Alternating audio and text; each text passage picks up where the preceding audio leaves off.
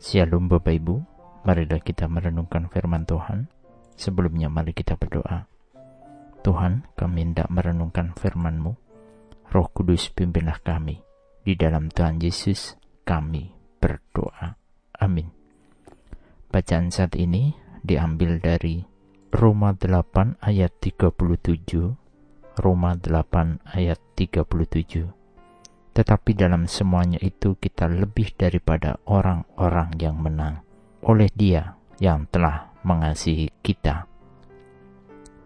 Hidup di dalam dunia ibarat hidup di dalam pertandingan dan di dalam peperangan. Di dalam pertandingan ada lawan yang harus kita kalahkan. Demikian pula dalam peperangan. Kita menginginkan meraih kemenangan, baik dalam pertandingan maupun dalam peperangan. Tetapi pertandingan dan peperangan bagi orang percaya adalah menaklukkan diri kita sendiri, musuh dalam diri kita yang membuat kita jatuh dan terbelenggu dalam dosa. Dari semua hal tersebut, kita tidak akan pernah mampu melakukannya sendiri. Kita memerlukan penolong. Penolong itu adalah Allah yang berkarya dalam diri kita. Bacaan saat ini mengajak kita memiliki keyakinan iman di dalam Kristus Yesus. Dialah yang berperang bagi kita. Sejak semula, Allah melakukannya bagi umat kepunyaannya, orang-orang yang dikasihinya, seperti yang tertulis di dalam Keluaran 14 ayat 14. Tuhan akan berperang untuk kamu, dan kamu akan diam saja dalam Roma 8 ayat 31 juga ditegaskan ulang bagaimana Allah lah yang berbuat bagi kita.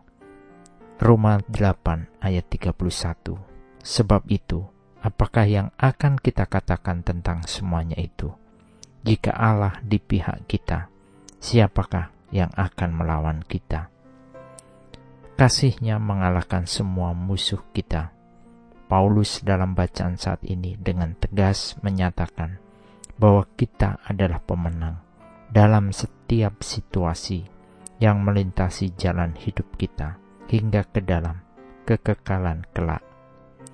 Melalui Kristus Yesus Tuhan kita, kita diselamatkan dan di dalam Dia kita adalah pemenang. Kita mungkin mengalami penderitaan dan kesulitan yang kita hadapi tetapi Yesus, Juru Selamat surgawi kita, mampu mengerjakan segala sesuatu bersama-sama untuk kebaikan, kekekalan kita, dan untuk kemuliaannya diwujudkan dalam hidup ini. Dia melakukan ini karena kasihnya yang besar bagi kita. Kita tidak dibiarkannya menghadapi kesulitan dan kesusahan itu sendirian dari setiap situasi, kita diberi kemenangan.